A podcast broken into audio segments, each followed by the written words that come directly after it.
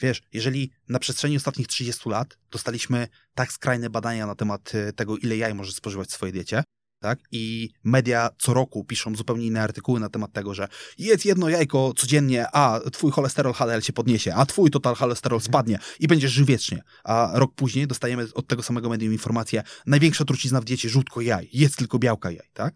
To ja się nie dziwię, że panuje absolutna konfuzja. Swoim tempie. Podcast sieci fitness CityFit. Panie, panowie, kolejny odcinek podcastu w swoim tempie. Kłania się nisko Jacek Bilczyński, a dzisiaj w studio City Fit jest ze mną Marek Fischer. Dzień dobry. Dzień dobry. Jaki spokojny głos. Ja cię postaram się przedstawić dwoma, trzema, czterema słowami, w razie czego, gdybyś chciał coś dopisać, to śmiało e, dopisuj. Z wykształcenia oczywiście jesteś e, dietetykiem i o tych kwestiach gdzieś tam związanych z żywieniem na pewno sobie dzisiaj porozmawiamy, ale mówisz sobie jako o konsultancie żywieniowym, bo to, to słowo dietetyk jest e, trochę zbyt mało pojemne, żeby, żeby zmieścić w nim e, to, co robisz. Pracujesz ze sportowcami, pracujesz z ludźmi biznesu jesteś znany z tego, i o tym też sobie porozmawiamy, że dowodzisz rezultaty. Tak, poniekąd. Poniekąd. Poniekąd. Ja to sprawdziłem, ja to sprawdziłem i, i na pewno do tego wrócimy. Natomiast yy, pierwsze bardzo dziękuję Ci, że zgodziłeś się przyjechać taki kawał drogi do nas i z racji tego, że E, że już tu jesteś, e, to ja chciałbym poruszyć z Tobą kilka wątków. I na sam początek zacznijmy od czegoś takiego, co jest związane trochę z, z, tą branżą, w której funkcjonujemy, w której pracujemy, czyli branżą zdrowego stylu życia. Całkiem niedawno padły z Twoich ust takie słowa, które, jak sam e, twierdzisz, są dość bliskie Twojemu sercu. Nie idź do branży, w której dzieje się dobrze, bo tam nie masz nic do rozwiązania. I teraz ja mam takie pytanie: czy gdybyś miał wybrać po raz kolejny albo doradzić komuś, dźwigając na plecach brzemię tego, e, tej mantry, poszedłbyś jeszcze raz w branżę zdrowego stylu życia? Teraz to dopiero bym wszedł z przytupem. Bo mm, filozofia jest prosta. To jest filozofia, która mówi o tym, że jeżeli widzisz, że dana branża ma się naprawdę dobrze, to prawdopodobnie nie będziesz miał żadnych problemów, które możesz rozwiązać. Mhm. A jeżeli popatrzymy sobie na bycie dietetykiem, czy bycie trenerem, czy w ogóle pracę w branży zdrowia, mm, nawet w kontekście bycia lekarzem, to my jesteśmy od rozwiązywania problemów. No, jakby mamy problemy zdrowotne, mamy problemy sylwetkowe, mamy problemy emocjonalne, jeżeli mówimy o psychologach, każdy z nas rozwiązuje jakieś problemy. Więc jeżeli w danej branży nie mogę rozwiązywać problemu, to znaczy, że sam sobie ucinam swoje możliwości zarobkowe, mhm. bo nie bardzo będę wiedział, jak się wbić.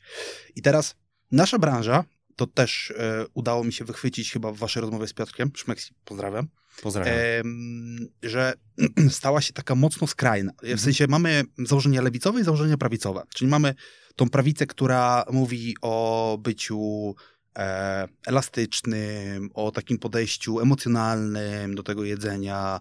I mamy tą lewicową, która idzie w opcję, możesz wszystko, mhm. E, na wszystko masz czas, wszystko możesz znaleźć i, mhm. i tak dalej, i tak dalej.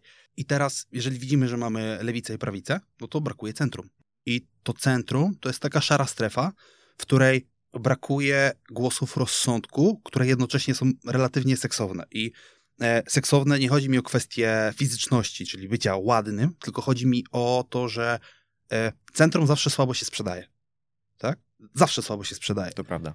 Natomiast ja staram się udowadniać, że wcale tak nie musi być, bo ja jestem absolutnie w centrum.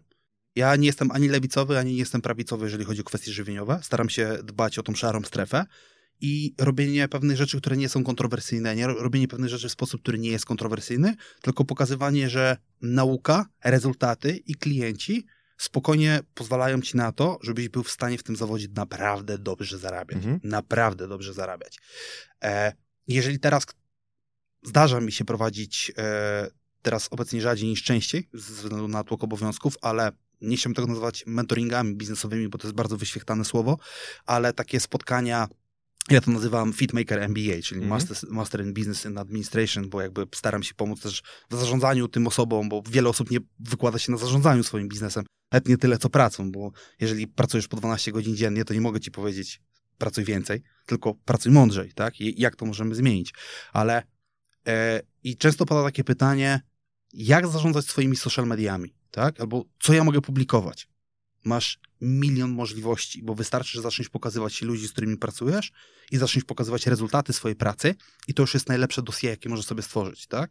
I na dzień dzisiejszy jeżeli pojawią się ludzie, którzy wejdą z, przytupą, z przytupem w tą szarą strefę, po prostu zwykłej pracy i dawania ludziom możliwości osiągania swoich celów, to spokojnie są w stanie naprawdę zatrząść tym rynkiem. Mhm, wiesz to ja mam takie trochę poczucie, że właśnie to, co jest gdzieś po środku, czyli to, o czym ty mówisz, bardzo często kojarzy się z czymś neutralnym, bardzo często też kojarzy się z konformizmem, bardzo często też kojarzy się z jakimś takim brakiem charakteru i mam wrażenie, że to jest bardzo dużą sztuką, żeby to neutrum tak przyprawić, żeby ono było atrakcyjne dla ludzi, żeby im pokazać, że okej, okay, to jest skuteczne, to jest fajne, chodźcie tutaj, żeby tutaj do takiego neutrum e, ludzi ściągnąć. I najprostsza rzecz, która świadczy o byciu dobrym trenerem i byciu dobrym dietetykiem. To jest taka kwestia, w którą uważam, że też branża musi zacząć rozumieć, że e, nasza branża dzieli się bardzo mocno na elementy teoretyczne i elementy praktyczne. I mamy świetnych teoretyków, z którymi podejrzewam, że jakbym usiadł do stołu, stołu debatowego, to na poziomie merytoryki e, naukowej dosłownie by mnie wciągnęli. Przerzucaniem się badaniami, tak? Natomiast w momencie, kiedy byśmy usiedli do przełożenia tego na praktykę i osiągania rezultatów, to prawdopodobnie, nie mówię, że wszyscy, ale mhm. gros tych osób nie byłaby w stanie e, pochwalić się rezultatami swoich klientów albo osiągnięciami, bo są bardzo zajęci budowaniem swojej wiedzy teoretycznej, nie pracy praktycznej, mhm. tak? I teraz, jeżeli weźmiemy sobie osoby, które mają olbrzymie doświadczenie praktyczne i generują niesamowite rezultaty ze swoimi klientami, to kto dla klienta jest zdecydowanie lepszym wyborem? Efekt. Zawsze. Więc teraz, jeżeli jesteś neutralny i nie mówisz spicy things, tak? Mhm. No i nie robisz opcji na zasadzie te trzy wybory treningowe spowodują, że będziesz wyglądał jak The nie? To, to jakby ten ton wypowiedzi i tak dalej, i tak dalej, tak? Albo nigdy nie rób tego jednego treningu na, jednego ćwiczenia na barki. Mhm. No to widzimy. Tak. I to, kup, to nas kupuje, tak? Dlaczego? Bo jest y, bardzo, no jest agresywna wypowiedź, nigdy czegoś nie rób, zawsze rób to i tak dalej, i tak dalej, tak? A potem przychodzi sobie taki pan, który nie robi tych rzeczy, ale pokazuje efekty i rezultaty swojej pracy i swoich podopiecznych, którzy wyglądają lepiej, czują się lepiej, bo w branży zdrowotnej niekoniecznie chodzi o to, żeby wyglądać lepiej, często chodzi o to, żeby się czuć lepiej. E, I realnie to są ludzie, którzy nie muszą mieć miliona obserwujących, 100 tysięcy obserwujących, tak? A pytasz, czy mają termin na współpracę i mówią, nie ma szans. Nie ma, bo ja dowożę rezultaty. Mam pełne po, ręce roboty. Po, po prostu, bo ludzie wiedzą, że ze mną, ja jestem zajęty pracą z klientem, a nie wygrywaniem w social mediach. Mhm. No właśnie, to ja jeszcze jedną, jeszcze, jeszcze jedną rzecz cię zapytam, bo mówisz o tej prawicy, mówisz o tej lewicy, e, mówisz o tym podejściu, które gdzieś tam jest pośrodku e, i tak jeszcze gdybyśmy to trochę zebrali do kupy i spojrzeli na to może z trochę innej pe perspektywy, bo masz bardzo duże doświadczenie w branży, funkcjonujesz tym od wielu, wielu lat, masz też swoje przemyślenia i swoje obserwacje. I gdyby tak e, spojrzeć na, na to, co dzieje się w branży szeroko pojętego zdrowego stylu życia, kompetencje, postawy, w którym kierunku według Ciebie e, zmierzamy? Coraz większej specjalizacji, coraz lepszych specjalistów, coraz lepszych fachowców, czy coraz bardziej obniżamy poprzeczkę, idziemy trochę i serwujemy trochę takie najtańsze brylanty, trochę w myśl zasady. Lubię robić zdjęcia, lubię gotować, w sumie lubię też trenować, mam konto na Instagramie, to popracuję jako, nie wiem, trener albo specjalista odżywienia. Myślę, że najlepszą odpowiedzią na to pytanie będzie fakt, że mm, miałem na, na jednej sesji, którą prowadziłem z konsultacji biznesowych w branży zdrowia oczywiście, E, osobę, która zasięgami jest pięcio albo sześciokrotnie wyższa niż ja, natomiast w żaden sposób nie potrafi tego przełożyć na zarobki. Tak? Więc ja zawsze powtarzam, lajki nie zarabiają dla ciebie pieniędzy. Tak? To, że masz 100 tysięcy obserwujących, nie przekłada się na to, że to jest 100 tysięcy złotych co miesiąc spływające na twoje konto. Mhm. Tak? I fenomenalnie, że masz niesamowity fanbase, fenomenalnie, że masz niesamowite zasięgi, E, jakby gratuluję ci tego, bo to, to jest absolutnie o, olbrzymia ilość pracy, o czym mówił właśnie Piotrek ostatnio, ile e, publikacji, ile tak. robienia poszczególnych rzeczy, tak? Ale co z tego wynika?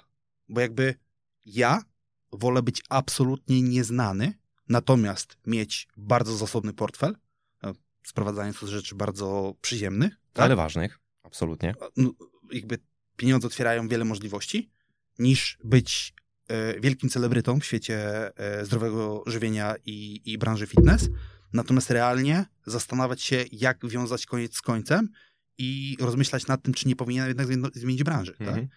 Bo bycie znanym dla bycia znanym rozumiem, że ktoś może mieć takie aspiracje, absolutnie, to jest w porządku, no bo każdy z nas ma swoje marzenia, Natomiast jakby my pracujemy, żeby otrzymać z tego jakąś gratyfikację. Jasne. Tak? I dla mnie gratyfikacją jest gratyfikacja finansowa za całe doświadczenie, które zdobyłem na przestrzeni ostatnich 11 lat mojej pracy. Mhm. Tak, ja też y, bardzo cię cenię za to, że nie wypływa z ciebie taki często spotykany, mam wrażenie, w destylat polskości, polegający na tym, że bardzo często się narzeka i ściąga się w dół zamiast, zamiast, e, zamiast ciągnąć do góry. I tak trochę, wiesz co, ja mam, mm, bo oczywiście znamy się z mediów od, od, od dosyć dawna, od wielu, wielu lat. Ja mam takie poczucie, że jesteś bardzo fajnym i coraz bardziej świadomym i dojrzałym miejscu swojej kariery. To jest moje osobiste przemyślenie. I tutaj mam pytanie. Co wniosło cię na wyższą półkę w tej branży? Bo niewątpliwie na tej wyższej półce wyższej półce jesteś. Ja mam takie powiedzenie, mm, to nie jest moje powiedzenie, ale nie znam autora, że każda dobra kariera zaczyna się od e, dobrze skrojonej marynarki. Ta marynarka oczywiście jest tą parabolą. Co jest tą twoją marynarką? Mm, znaczy, największą marynarką, i to jest to, o czym ja powtarzam zawsze, było spotkanie Rafała Mazura i Mhm. bezpośrednia praca z Rafałem, Mhm. czyli z zeniaskiniowca.pl. To był taki największa, największy switch w moim podejściu do pracy, bo ja też nie ukrywam, mm, ja o tym często nie mówię, ale to też był taki moment mojej kariery, w której jak sobie przeliczyłem koszt netto, zysk brutto, koszt netto mojego życia, godzin pracy, zysk brutto finansowy, w którym zastanawiałem się, czy po prostu tego nie rzucić. Pojawiło się kilka ofert e, pracy dla kogoś, gdzieś, już stricte poza Mhm. branżą żywieniową, natomiast dałem sobie tak zwaną ostatnią szansę i, i przypadkiem przez naszego wspólnego podopiecznego Łukasza Wierzbickiego e, nawiązałem kontakt z Rafałem i jakby to był dla mnie switch, który po prostu poukładał mi Mhm. te klocki w głowie i tak jak w Tetrisie, nie? ułożyła mi się ta cała baza i mówię, okej, to teraz jest moment, żeby to po prostu zrobiło klik. Natomiast e, niewiele, wiesz, wiele osób, które do mnie obecnie trafia, ma takie wrażenie, że Fischer był Fischerem zawsze, tak, Mhm. że tak było. No nie, ja jakby, mm, jak kończyłem studia, miałem gabinet z Gorzelcu. Z Gorzelec jest od Szczecin, studiowałem w Szczecinie. No, robiłem, skończyłem licencję, zaczynałem magisterkę i już miałem gabinet z Gorzelcu. Ja co dwa tygodnie jeździłem e, 350 kilometrów, żeby prowadzić przez dwa dni gabinet, który miałem obłożony od rana do nocy. Mhm. Wracałem w sobotę wieczorem do Szczecina do swojej narzeczonej, która studiowała wtedy w Szczecinie. W niedzielę spędzałem trochę rodzinnego czasu, żeby jakby nie zaniedbywać tych swoich obowiązków i potrzeby mm, generowania relacji, a w poniedziałek wracałem na studia. I ja na studiach budowałem plany żywieniowe, odpowiadałem Mhm. na maile. Miałem, I ja tak pracowałem przez dwa lata. I e, finalnie dwa miesiące przed obroną magisterki miałem do wyboru. Tak? Albo rozwijałem się biznesowo, wtedy spotkałem Kubę Mauricza i zacząłem z nim pracę. Zresztą tam wtedy poznałem też Gosię pracując dla Kuby Mauricza, jak Gosia jeszcze pracowała z Trekiem. E, I miałem do wyboru, tak? I jakby poniekąd też studia w tą stronę poszły, że mm, moja współpraca z Kubą nie była tak dobrze mile widziana w tamtym czasie, no bo Kuba był dosyć e, na tamte czasy Kontrowersyjny. bardzo, bardzo, jeżeli Oczywiście. chodzi o teorię, jeżeli chodzi o, o to, jak daleko był w kontekście dietetyki, która teraz tak naprawdę jest podstawowym elementem dietetyki, tym elementarnym, tak? Szycia planu, Mhm. wykorzystywania różnych narzędzi, wykorzystywania różnych makroskładników i tak dalej. I ja zrezygnowałem z magisterki po prostu na rzecz pracy. Mhm. I, i to była praca, e, to było wiele godzin. To było tak, że ja wracałem z gabinetu w Zgorzelcu w niedzielę wieczorem i potrafiłem dostać od Kuby, Marek, słuchaj, jestem chory, potrzebuję twojego wsparcia, e, jutro mam szkolenie w Trójmieście, nie wiem, czy dam radę poprawić całe. Mhm. Ja po prostu wpadałem do, do domu, robiłem przepakowanie walizek, jechałem z nim do Trójmiasta. Z Trójmiasta potrafiliśmy pojechać od razu do Warszawy. Ja wracałem z Warszawy w czwartek i w piątek szedłem na zajęcia na 8 rano, Mhm. tak? I, I ja na pewno do tego zaraz jeszcze wrócę, bo ja e, szykując się do tego odcinka obdzwoniłem bardzo wiele osób i znam też e, trochę kontekst właśnie tej, tych, tego twojego okresu życia. Mam tam kilka pytań do tego. Natomiast wiesz co, to co było dla mnie najważniejsze, to chciałem się gdzieś tam sobie ułożyć w głowie, czy to był pewien proces, czy tu był jakiś jeden katalizator, który, który sprawił, że to się tak zmieniło. Ja mam taką trochę swoją hipotezę, może nie hipotezę, ale, ale takie moje spostrzeżenie. Mm, To, co ja zacząłem dostrzegać w Marku, czyli w tobie od jakiegoś czasu, to jest swego rodzaju tupet i pewność siebie, ale w takim bardzo pozytywnym tego słowa znaczeniu. Czyli to jest coś, co nie mieści się, albo co jest trudno w takiej pierwszej chwili zmieścić w tym konformizmie, o którym wcześniej mówiłem y, i o którym ty mówiłeś, albo tej neutralności. Ty znalazłeś na to jakiś sposób i zastanawiałem się, co tutaj było tym Y, punktem. czy absolutnie znowu podkreślam. Ja to zawsze będę podkreślał, że to jest e, bardzo duża ilość pracy z Rafałem. W Mhm. sensie jakby zbudowanie takiej absolutnej pewności w kontekście e, tak zwanego bycia wymiataczem, tak? Mhm. Jeżeli chodzi o, o te kwestie zdrowotne, ale też zrozumienie mm, pewnych kwestii, których bardzo wiele osób w branży, szczególnie tych prowadzących klientów, nie rozumie, nie potrafi sobie wbić do głowy, że mm, ja bardzo długo żyłem w myśl, że ja jestem dla klienta. Czyli jakby to klient dyktuje warunki gry. Natomiast jak przyszło mi do takich rozważań, też to mam swój magiczny notatnik ze sobą i zacząłem za zastanawiać się nad tym, co między innymi warunkuje skuteczność e, moich działań, to jest moje podejście do pracy z klientem. I teraz, jeżeli ty byś pojechał do mechanika i uczył mechanika wymieniać klocki hamulcowe, to prawdopodobnie byś za długo tym autem nie pojeździł. Tak? Zgadza się. Więc dlaczego my, jako specjaliści z zakresu żywienia, potrafimy przyjmować e, lekcje albo uwagi naszych podopiecznych, za których de facto my jesteśmy odpowiedzialni, tak? Bo koniec końców e, twoja finalna ocena, nota albo twoje umiejętności to jest efekt twojego podopiecznego, Mhm, tak? Zgadza się. I teraz, jeżeli twój podopieczny narzuca ci swój plan gry, no to ty jesteś mu po pierwsze zbędny, po drugie, jeżeli jego plan gry by działał, to prawdopodobnie nigdy, nigdy by się do ciebie nie zgłosił. Więc to ty jesteś odpowiedzialny za plan gry, tak? Jakby ja wiem, że LeBron James jest LeBronem Jamesem ja wiem, że LeBron James jest absolutnym wymiataczem, ale LeBron James ma head coacha, którego się słucha, bo to jest plan gry head coacha. Mhm. On jest tylko elementem wykonawczym tego head Mhm. planu, tego, tego game Jasne. planu. Jasne.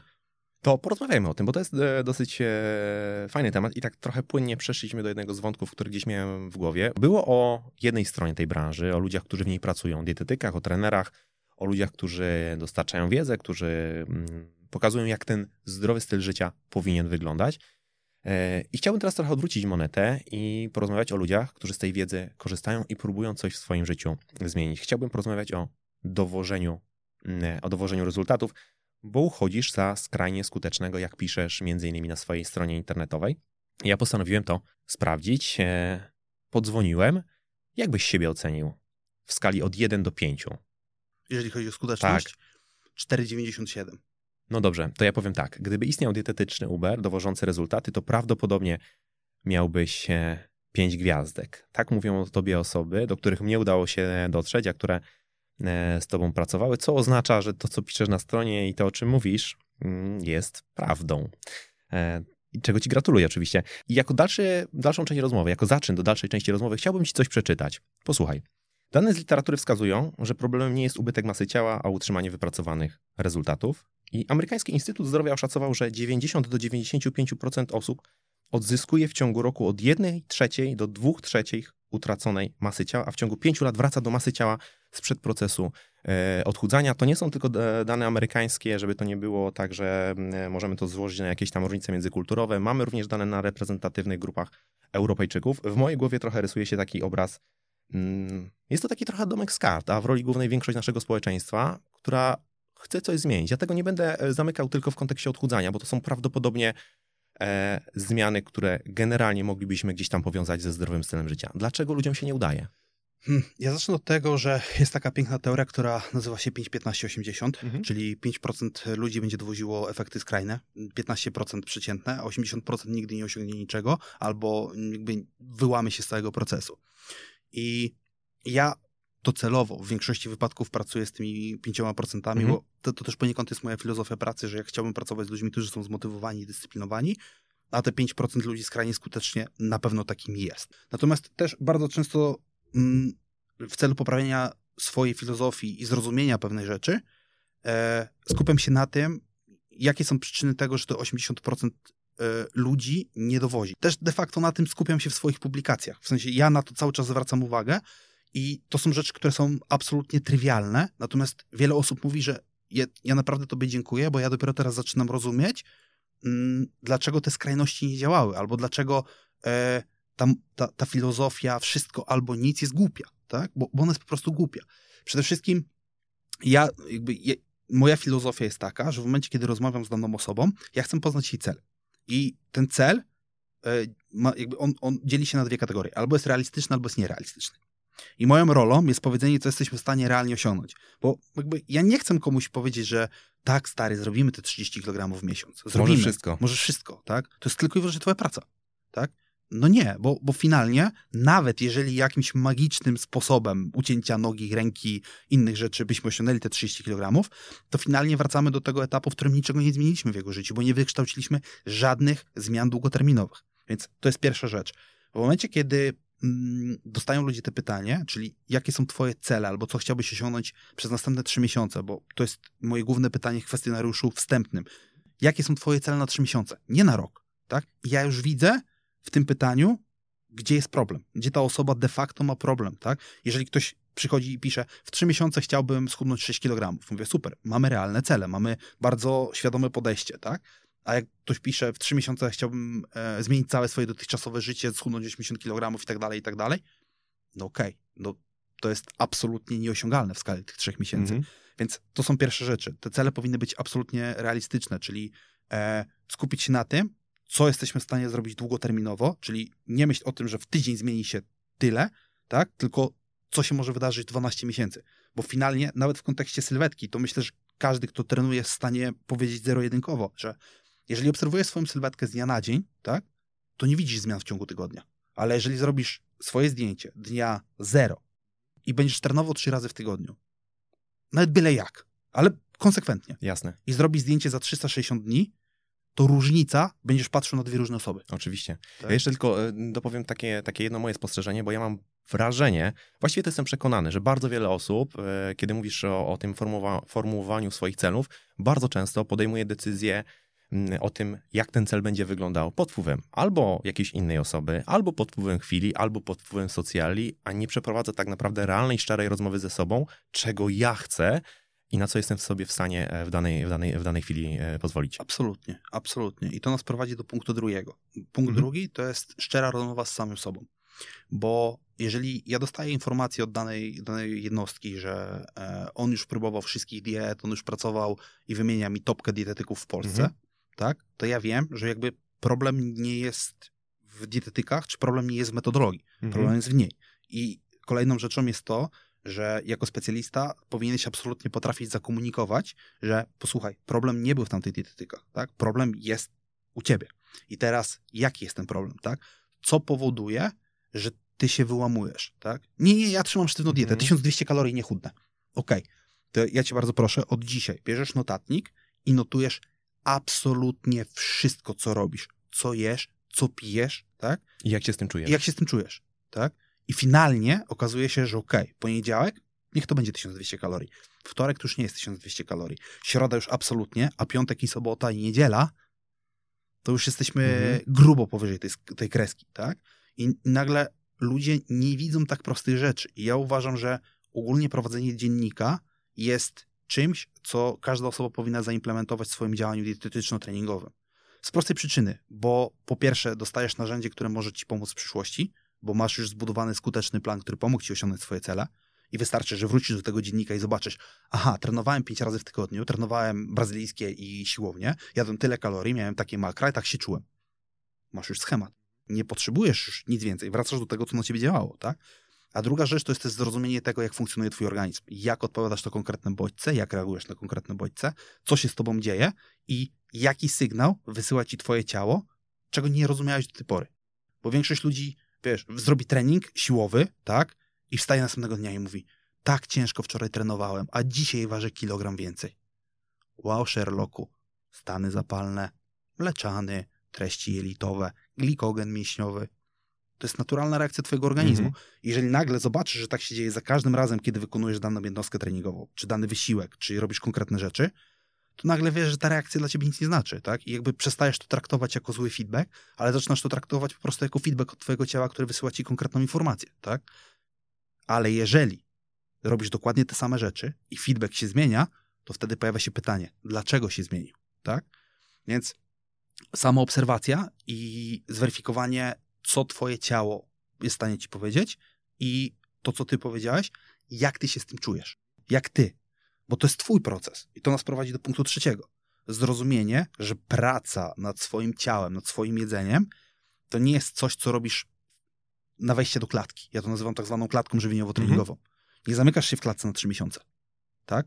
Bo w momencie, kiedy zamkniesz się w tej klatce, odmówisz sobie absolutnie wszystkiego, to w momencie, kiedy otworzysz tą klatkę, to wypuścisz Halka. Nie? A Hulk, jak się odpali, to jesteś w stanie, zresztą badania to pokazały, nadrobić te wszystkie rzeczy naprawdę... W, Błyskawicznie. Dokładnie. Czego przykładem są na przykład sporty sylwetkowe, o czym mhm. mówił Paweł. Właśnie to jest też trochę y, takie moje spostrzeżenie i to też u ciebie nie padło. Ja też jakby tu nie dostrzegam tego właśnie, że mm, coraz większa ilość specjalistów, coraz większa ilość osób, które zajmują się żywieniem, które mówią o tym żywieniu coraz trudniej, coraz bardziej precyzyjnie, mówią o wisienkach na torcie, nie przekłada się absolutnie na e, coraz większy odsetek osób, którym się udaje. Problemem nie jest bardzo często brak wiedzy, tylko właśnie to, że ludzie działają trochę bez planu, albo ten plan nie jest ich planem, tylko planem gdzieś innych osób. Mm, nie mierzą się na zamiary, brakuje im trochę zasobów, żeby dowieść. E, mają takie. Znają drogę, wiedzą jak to zrobić, ale brakuje paliwa, żeby tę drogę zwyczajnie przejechać. Czyli sam proces niezwiązany z brakiem wiedzy, to tutaj tak naprawdę gdzieś coś się wykoleje, to tutaj tak naprawdę e, tak naprawdę ludzie nie budują gdzieś jakichś nowych wzorców zachowań u siebie. One nie zostają. To jest plan najczęściej od punktu A do punktu B. No i w konsekwencji e, I, i ja nawet mamy to pozwolę, 80%. pozwolę sobie pójść dalej. Uważam, że im większe źródło wiedzy, im więcej informacji, tym większa konfuzja.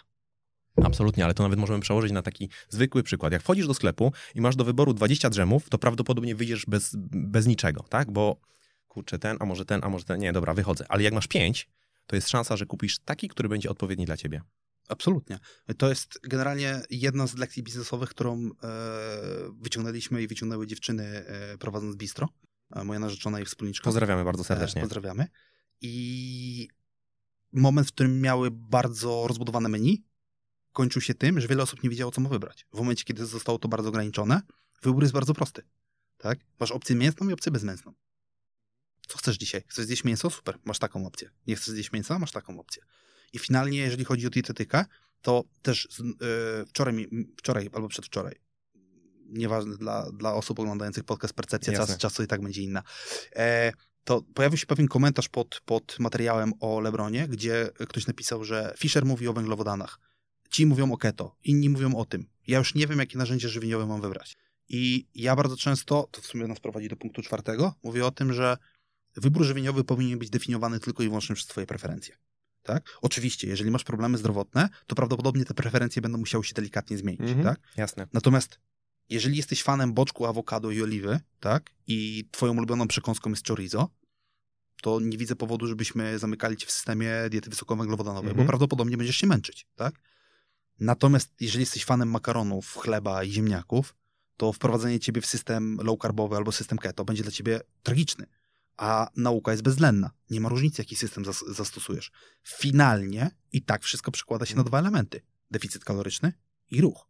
I to jest to- wszystko. I czy to byłaby y, według ciebie jedna z największych pułapek dietetycznych, w którą wciąż ludzie wpadają? Tak. Bo to było jedno z moich pytań. Tak, ja uważam, że generalnie moment, w którym e, ludzie starają się zmieniać systemy żywieniowe częściej i starają się wybierać systemy żywieniowe, które aktualnie są modne, w oparciu o wiele rzeczy, czyli w oparciu na przykład o, o to, co robią wymiatacze, o Mhm. to, co robią gwiazdy, o to, co robią celebryci, o tym, co się aktualnie pisze, to jest moment, w którym mamy sytuację, gdzie wytwarzamy zupełnie niezdrowe nawyki żywieniowe, tak?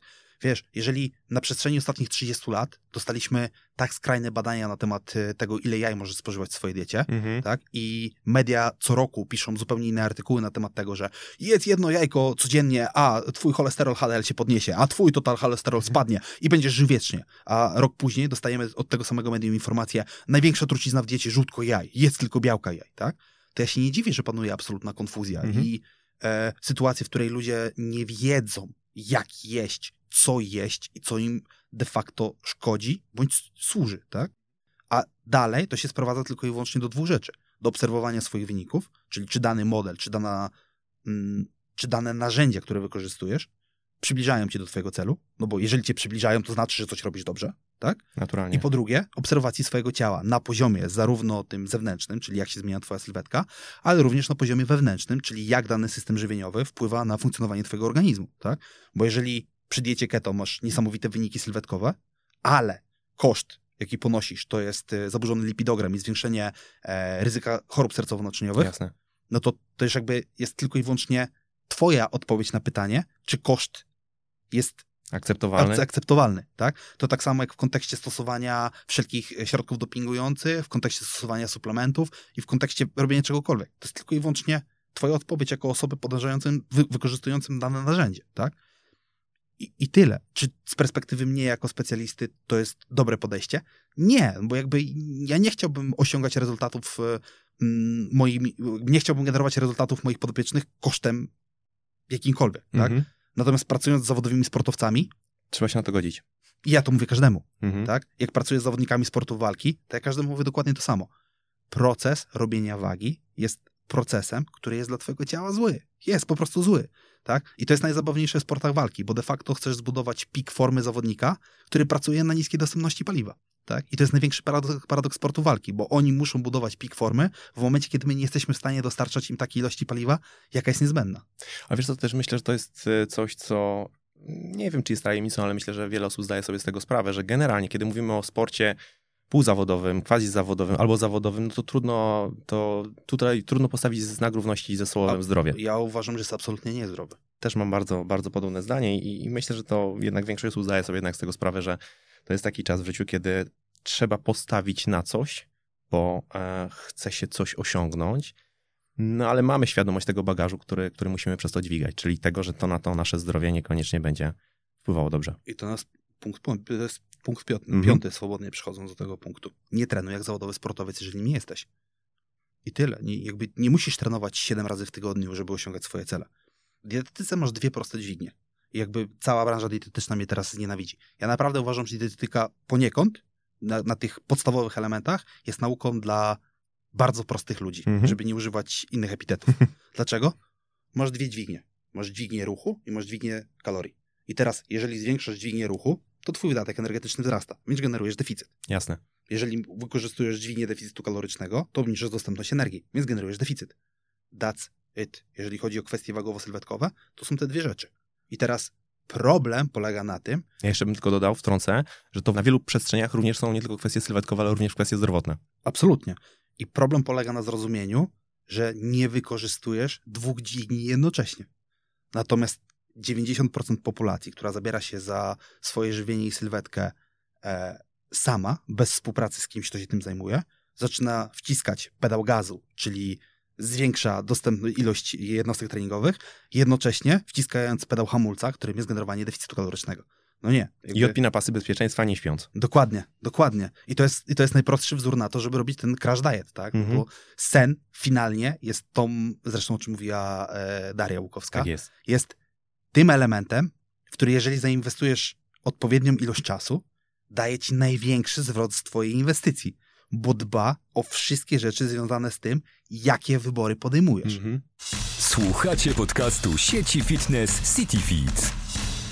Czyli rozumiem, że w tych punktach to zamknęliśmy. Tak. Czy masz jeszcze tak. jakiś dodatkowy? Nie, nie. okej, okay. zamknęliśmy myślę, to w tak. tych punktach. I to jest jedna, jedna z takich nitek, o której chciałem z tobą porozmawiać. E, I jest jeszcze jedna nitka, która też na pewno będzie swego rodzaju kontynuacją i pewne wątki też się będą tutaj przeplatały.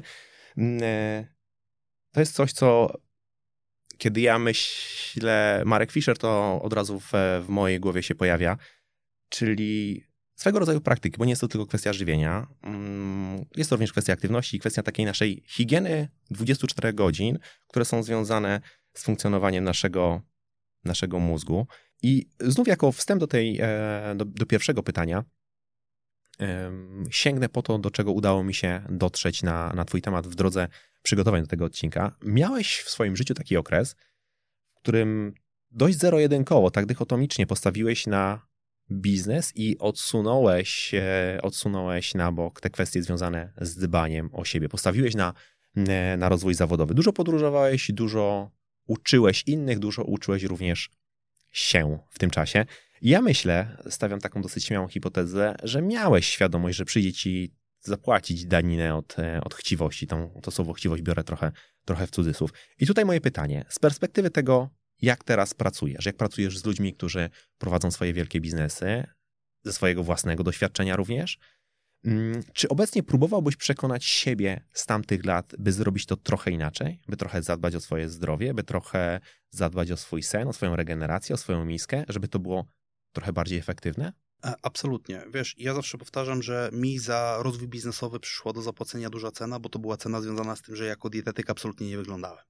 Nie? Jakby, jakby ja nigdy się z tym nie kryłem, zresztą nigdy nie miałem z tym problemu, tak, że wiesz, był taki moment, kiedy ludzie mówili, Jezu, jaki ulany dietet, mm. Jezu, okej, okay, tak, ale jakby dla mnie to był koszt alternatywny, tak. Z perspektywy czasu na pewno jeden z podstawowych rad byłoby yy, śpi więcej, to byłaby najbardziej uniwersalna rada, rada, po prostu śpi więcej. I następna rzecz z perspektywy tego, z iloma kontuzjami obecnie się borykam i na mhm. ile te kontuzje mnie ograniczają, to byłoby trenuj codziennie, ale trochę co, rób cokolwiek. Rób, nie, możesz, nie masz siły iść na siłownię, zrób jogę, tak? Bo mm, przyszło mi zapłacić w kontekście aparatu ruchu naprawdę dużą cenę za wszystkie podróże sam samochodem, za wszystkie e, dni po 8-10 godzin prowadzenia wykładów, więc e, na dzień dzisiejszy no, ten podatek jest duży i ogranicza mnie w wielu rzeczach, które, Mhm. na które teraz mam przestrzeń czasowo, czasową, finansową, zdrowotną, ale kontuzje, czyli zdrowotna tak 50-50, e, niestety nie pozwalają mi. Nie pozwalają mi trenować brazylijskiego na takim poziomie, na jakim chciałbym trenować. E, nie pozwalają mi robić wielu elementów treningowych, które chciałbym robić, na przykład elementów gimnastycznych, bo mam, mam uszkodzony więzadł barkowo-obojczykowy, który tam utrudnia mi wiele ruchów. Więc te dwie rzeczy. To jakby mm, oczywiście nie jesteś w stanie przetrenować i przespać złej, złej diety, tak? Ale mm, finalnie ta, z perspektywy czasu ta dieta nie była aż tak zła względem tego, jak źle wyglądała moja higiena ruchu Mhm. i jak fatalnie wyglądała moja higiena snu. Mhm. To co w takim razie według ciebie byłoby największym katem naszych tak zwanych szarych komórek? Brak snu. Brak snu. Z perspektywy, z perspektywy naszego mózgu, to już jedna nieprzespana noc powoduje, że twoje szare komórki starzeją się naprawdę w szybkim tempie. Mhm. Natomiast już spłacanie później tego długu mm, powoduje, że one wracają do normy. Tak? Mhm. Jakby my musimy pamiętać o tym, że sen dla naszego mózgu jest takim etapem, kiedy on się czyści. Tam działa układ limfatyczny, który eliminuje wszystkie metabolity toksyczne, które się w nim znajdują. Tak? Więc teraz, jeżeli my wiemy, że w trakcie snu eliminujesz te wszystkie toksyczne metabolizmy, metabolizm, metabolity w swojej głowie, to im mniej śpisz, tym więcej tych metabolitów tam się znajduje. Tym większy postęp e, chorób neurodegeneracyjnych, tym większy postęp demencji, tym gorsza praca twojej głowy. Co w takim razie, bo sen, regeneracja to jest taki punkt pierwszy, absolutnie jedna z najważniejszych e, kwestii z punktu widzenia e, higieny, dbania o nasz układ nerwowy, o nasz, o nasz mózg, a z punktu widzenia mm, czegoś, co jest swego rodzaju przeciwwagą, stymulanty, to jest faktycznie coś, co nas podnosi, czy to tylko taka chwilowa kroplówka? to wszystko zależy od tego e, przede wszystkim, co bierzemy i jakie dawki przyjmujemy, Mhm. tak? Bo wiesz, idąc tą taką bardzo popularną teorię Hormezy, czyli jakby dawka czyni truciznę, tak poniekąd jest, tak? Tak poniekąd jest, że to dawka czyni truciznę, tak? Bo jakby picie kawy w odpowiedniej ilości de facto jest dla nas zdrowsze niż nie picie kawy. Jasne. Natomiast w momencie, kiedy zaczynamy przeginać z piciem kawy, albo w ogóle przeginać z kofeiną per se, no bo jakby e, to, to jest e, ten temat przewodni, no to już niekorzystnie to wpływa na pracę twojego Mhm. układu nerwowego i na te regulacje, które zachodzą. Jakby mm, twój układ walcz-uciekaj też powinien być i powinien funkcjonować w ograniczonej ilości. Nie? Jakby my nie chcemy cały czas być w trybie walcz. To nie jest dla nas korzystne. Mm, I również e, ja taki miałem w, tamtym, w tamtych czasach był ten etap, kiedy byłem bardzo zainteresowany e, wszelkiego rodzaju stymulacją i regulacją neuroprzekaźników i tak dalej, i tak dalej.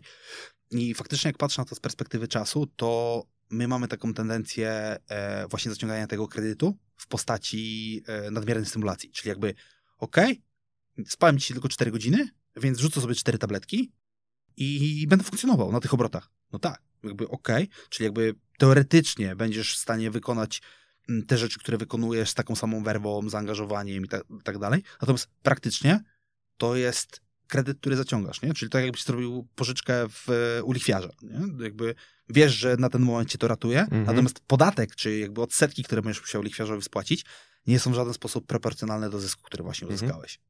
A to, co, czego wszyscy jesteśmy w jakiś sposób e, ofiarami, myślę, że to jest dosyć dobre słowo, takie przebodźcowanie, takie dopaminowe iniekcje, tak? To news, rolka, kolorowy obrazek z dopisaną ideologią, e, kolorowy, taki błyszczący świat na wyciągnięcie ręki.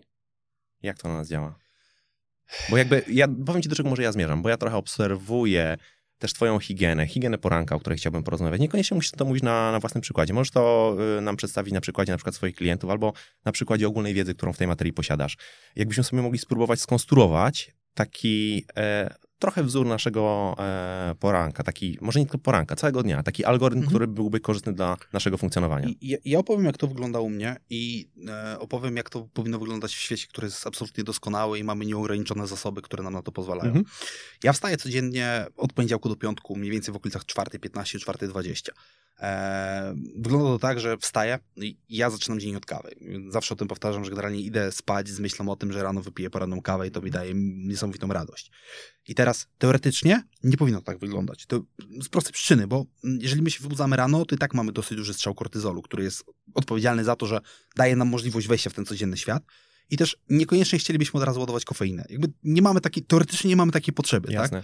Praktycznie czy daje to jakiś bardzo negatywny feedback? Bardzo nie. Natomiast można zrobić tą stymulację lepiej, można zrobić aktywność fizyczną, delikatny rozruch, cokolwiek, tak? I w idealnym świecie teoretycznie po przebudzeniu powinieneś wystawić się na promienie słoneczne, czyli na przykład wyjść na 15-20 minut na spacer, tak? Wziąć psa y, i wyjść na spacer, wystawić się na słońce, no 4.30 w Polsce ciężko ze słońcem przez większość roku. Zgadza się.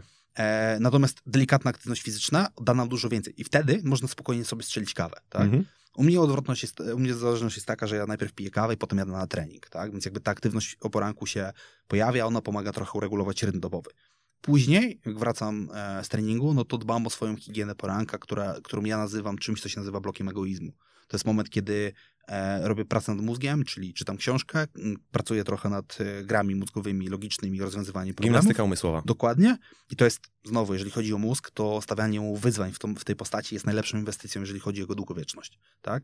Jeżeli popatrzymy sobie na ludzi, którzy rozwiązują krzyżówki, to demencja, jakiekolwiek zaburzenia neurodegeneracyjne drastycznie się przesuwają. Jasne.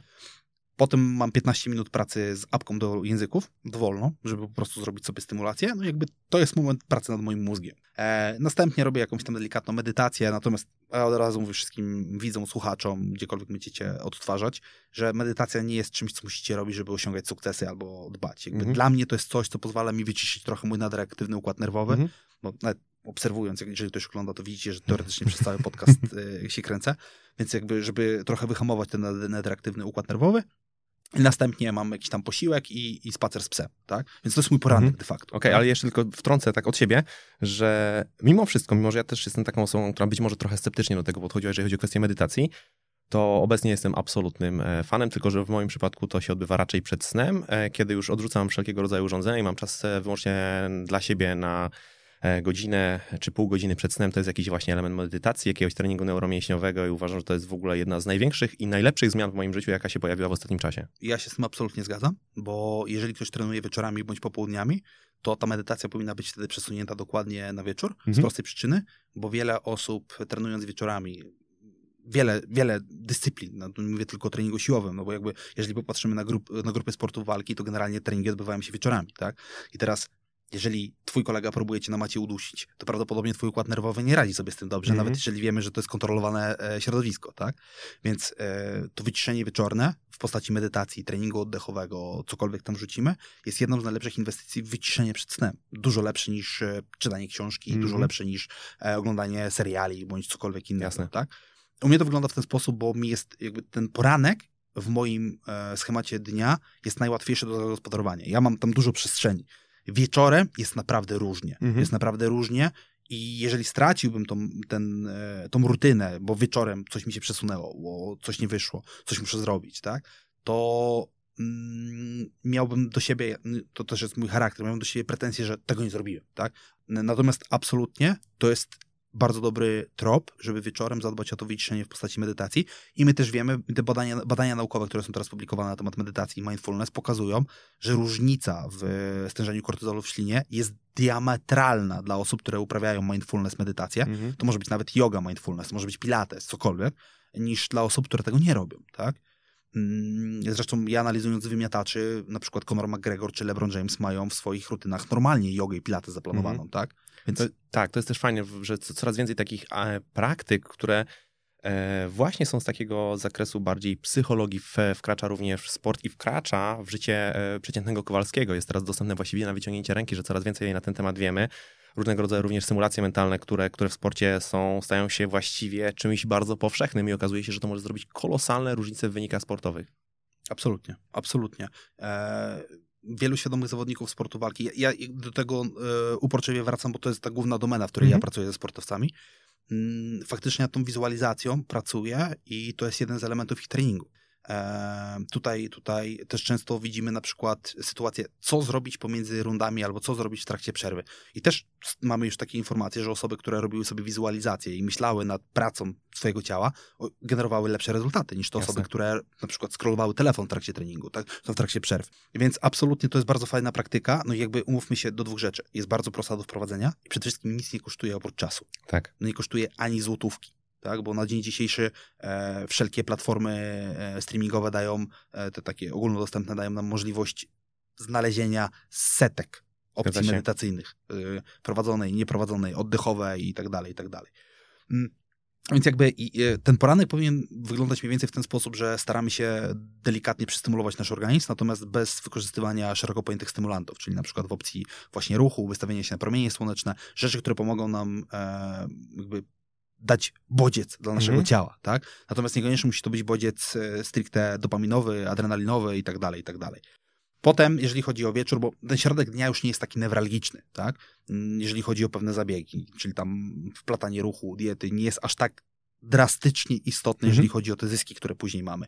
E, jednym z tipów jest to, żeby mm, ograniczyć drzemkę na 6 do 8 godzin przed planowanym pójściem spać, czyli jeżeli planujemy iść spać 21, no to po, po 13 już nie robić power napów, bo może wpłynąć e, na jakość tego uzyskanego snu, mhm. plus ograniczenie kofeiny, no i dla większości osób to jest około 6 godzin przynajmniej przed planowanym snem. Jeżeli mamy osoby, które mają ten SNP skorelowany ze słabym metabolizmem kofeiny, no to 8 do 10 mhm. godzin przed planowanym pójściem spać, bo to, że nie czujesz, że kofeina na ciebie działa, to nie znaczy, że twój układ nerwowy tego nie czuje. Tak, tak? to jest absolutna pułapka. I wieczory to już tak naprawdę inwestycja w wyciszenie, tak? Czyli odpowiedni, odpowiednia przerwa od jedzenia ostatniego posiłku do zaśnięcia, te 2-3 godziny wydają się takie mocno optymalne. To te metody wyciszenia, o których rozmawialiśmy, czyli właśnie medytacja, trening oddechowy, mm, do tego warto dorzucić mimo wszystko zimną kąpiel. Wiele osób mm. robi ten błąd, że wieczor wieczorem robi zimną kąpiel, bo to takie modne. Nie. Nie, zimno generalnie stymuluje katecholaminy, te, mhm. które są odpowiedzialne za stymulację, czyli dopamina, noradrenalina i tak dalej. Ciepło nas relaksuje, mhm. tak? Więc jeżeli chcecie mocne wyciszenie, to wtedy faktycznie ciepła kąpiel. E, jeżeli chodzi o kwestie żywieniowe, to inwestycja absolutnie węglowodany i mhm. jeszcze to jest osobny w tryptofan, więc jakby to fajnie wypada, bo jakby mimo wszystko chcemy, żeby ten tryptofan trochę stymulował wydzielanie melatoniny. I... To jakbyś mógł podać tylko przykład, bo być może słuchają nas ludzie, którzy w ogóle nie mają e, pojęcia e, na temat dietetyki. Słowo tryptofan, w ogóle czasem nawet węglowodany brzmi dla nich bardzo tajemniczo. Na kilka, kilku, przykład, kilku przykładach jakieś kilka produktów. E, na przykład z perspektywy zastosowania tutaj zburzę wielu, wielu osobom życiowy światopogląd, owsianka wieczorem jest naprawdę spoko. Owsianka wieczorem jest jak najbardziej spoko. Dorzucić do tego e, dobrej jakości orzechy, migdały, banana jako element skrobiowy mhm mamy naprawdę świetny posiłek na wyciszenie wieczorne. A y, y, jeszcze, bo w internecie też można spotkać takie informacje, że, że i jest wiele osób, które cały czas gdzieś, gdzieś o tym dosyć szeroko mówią, że istnieją różnego rodzaju praktyki e, tak zwanego biohackingu, które sprawiają, że my możemy trochę naszą fizjologię nagiąć, że będziemy mogli spać na przykład 2, 3, 4 godziny krócej i wykorzystać ten czas na to, żeby efektywniej funkcjonować. Czy to jest bójda na resorach, czy to jest... Smutna wiadomość jest taka, że biohacking e, jest bardzo przereklamowany w wielu kwestiach. Mhm. Natomiast jest też wiele rzeczy z biohackingu, które naturalnie mają sporo sensu. Jakby wprowadzenie ich do twoich codziennych rutyn będzie faktycznie działało, bo mówmy się, medytacja też jest poniekąd formą biohackingu, tak? E, blokowanie niebieskiego światła jest poniekąd formą biohackingu i działa, i działa naprawdę dobrze, jeżeli chodzi o poprawę jakości e, twojego snu i zasypiania, tak? Natomiast opcja, w której my mówimy, że biohacking i stosowanie neurostymulantów i używanie bardzo po popularnych e, leków, które mają wpływać na poprawę naszej uwagi, atencji i skupienia, będzie równe z tym, że będziemy dbali o całą higienę naszego życia, to tak nie działa. Okay, wróżenie z fusów i numerologia. No to, to, to tak nie działa. No, mhm. jakby... Czyli musimy działać bardziej w zgodzie z naszą fizjologią, a nie próbować naginać naszą fizjologię. Podatek i tak przyjdzie. Podatek i tak przyjdzie. E, wiesz co, mam jeszcze takie, e, takie trochę przemyślenie, bo to, o czym mówisz, czy te praktyki, które gdzieś tutaj się, e, o których teraz wspominałeś, mówiliśmy i trochę tak wyszliśmy z punktu widzenia funkcjonowania naszego, naszego mózgu, czy też diety dla mózgu, a tak naprawdę wydźwięk jest taki i tak mi się trochę w głowie to układa, że to nie jest tylko dla mózgu, tylko tak naprawdę to jest ogólnie dla naszego zdrowia, dla, naszego, dla jakości naszego funkcjonowania, ale również dla naszej sylwetki. Tak, wiele osób nie zdaje sobie sprawy z tego. Ja pamiętam, że kiedyś był taki popularny mit, że generalnie osoby, które trenują, to tylko i wyłącznie tempe koksy. Wy, mm. Wybaczcie zwrot, ale był taki popularny mit. Natomiast my na dzień dzisiejszy wiemy, że aktywność fizyczna jest jedną z najprostszych inwestycji w długowieczność naszego mózgu.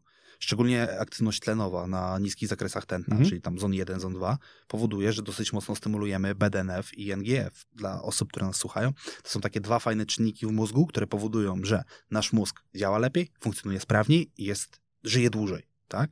Więc jeżeli mamy prostą informację o tym, że jeżeli się ruszasz i twój mózg działa lepiej, to jest naprawdę dobra inwestycja, jeżeli zależy nam na tym, tak? Dodatkowo e, teraz też po, pojawiły się fajne publikacje, które pokazują, że jeżeli skończyłeś się uczyć i chcesz, żeby ta wiedza z tobą została, to warto zrobić stymulację adrenaliny, dopaminy. Mhm. A czym jest trening dla naszego układu nerwowego? Dokładnie Więc tym. kończysz się uczyć, idziesz robić jednostkę treningową i zapamiętujesz więcej. I zapamiętujesz skutecznie.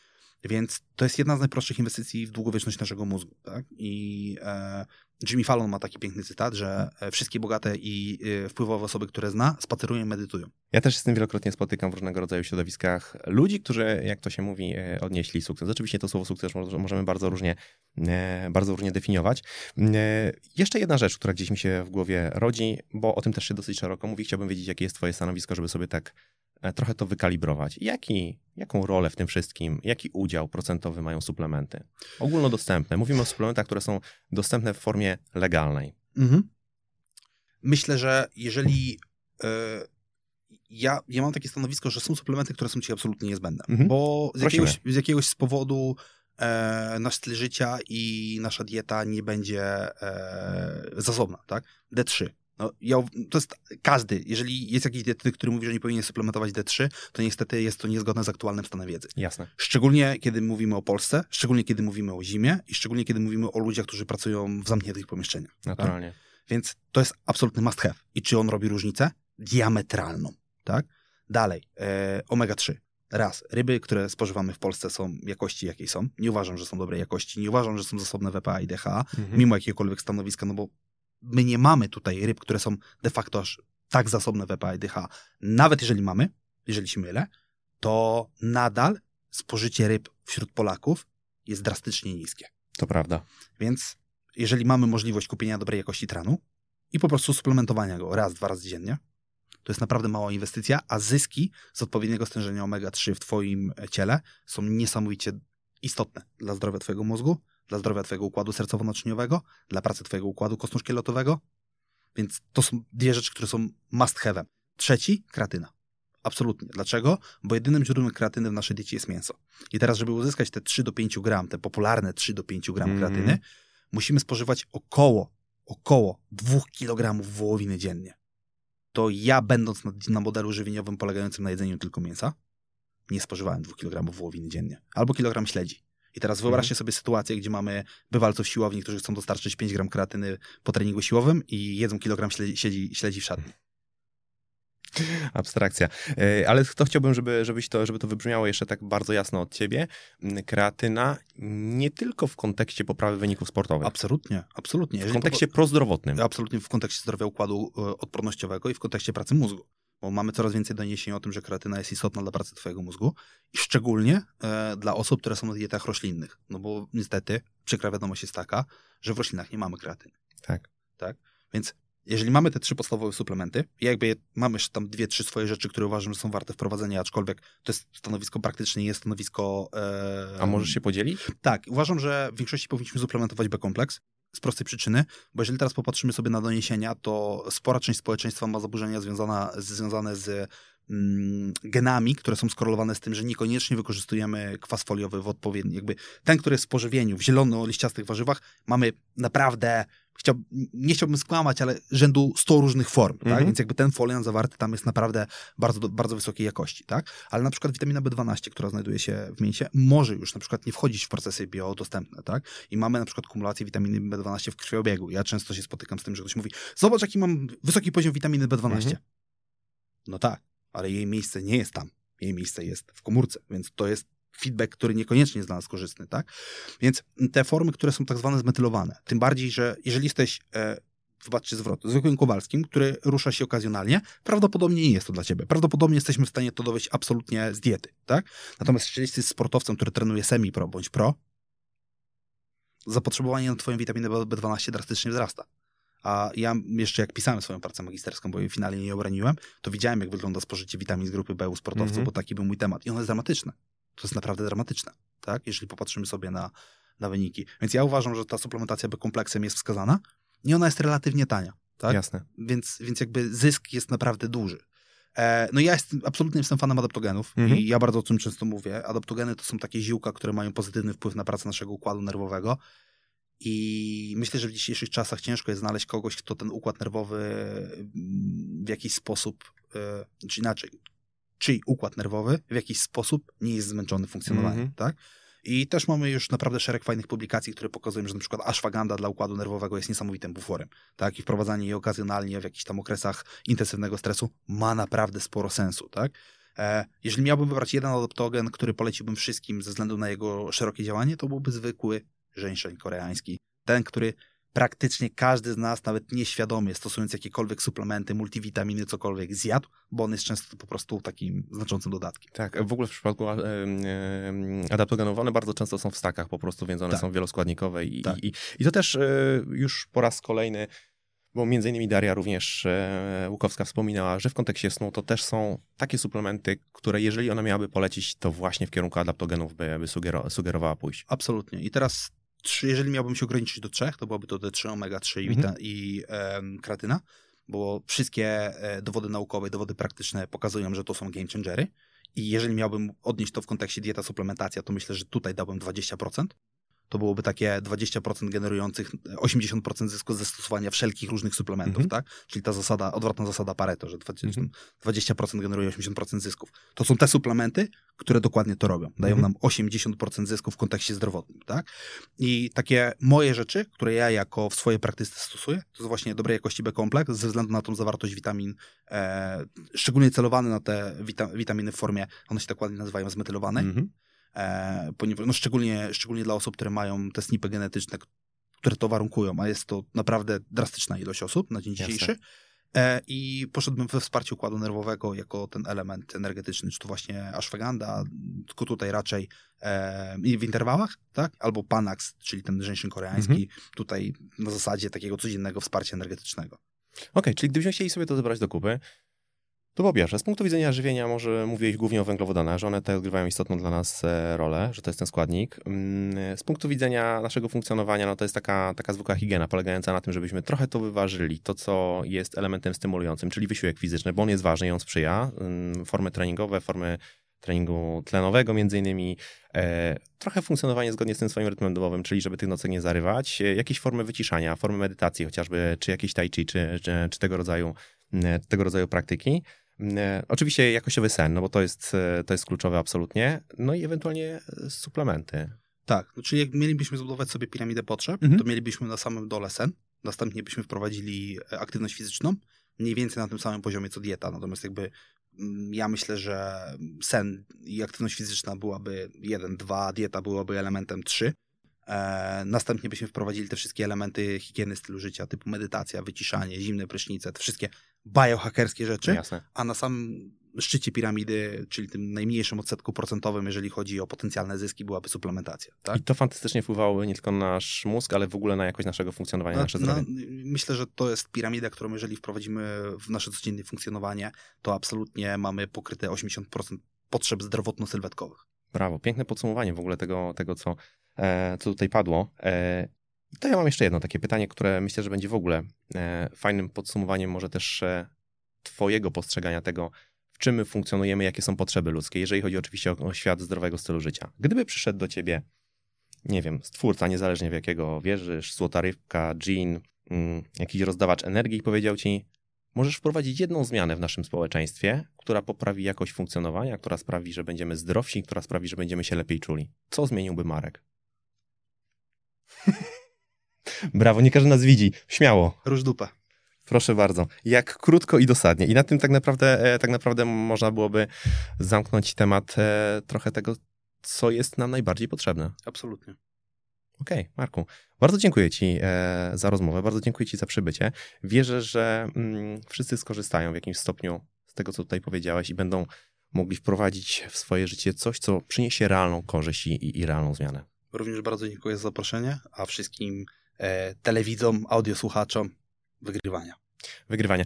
A, no i może jeszcze na koniec, drodzy widzowie i drodzy słuchacze, ja chciałbym e, powiedzieć, że Marek Fischer e, jest obecny w mediach społecznościowych, warto go odwiedzić. Jest tam bardzo fajna społeczność, do której wy również możecie, możecie dołączyć, stać się jej częścią i skorzystać z tego, co na co dzień e, e, Marek tworzy, co przekazuje i co daje do mediów. Bardzo gorąco, e, bardzo gorąco zachęcam.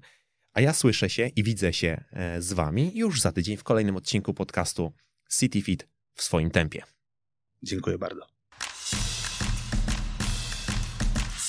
Twoim tempie. Podcast sieci fitness CityFit.